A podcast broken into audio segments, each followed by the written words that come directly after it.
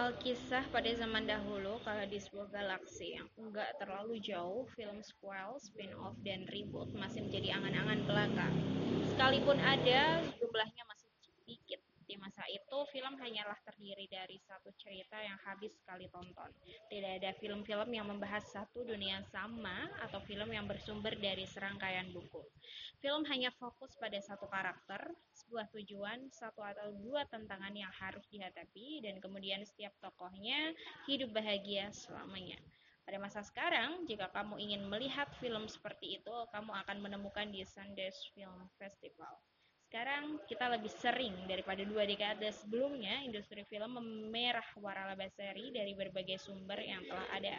Kalau di belahan barat dunia, musim panas jatinya adalah waktu untuk nongkrong di pantai. Sekarang waktu tersebut merupakan saat yang paling tepat untuk menonton Star Wars.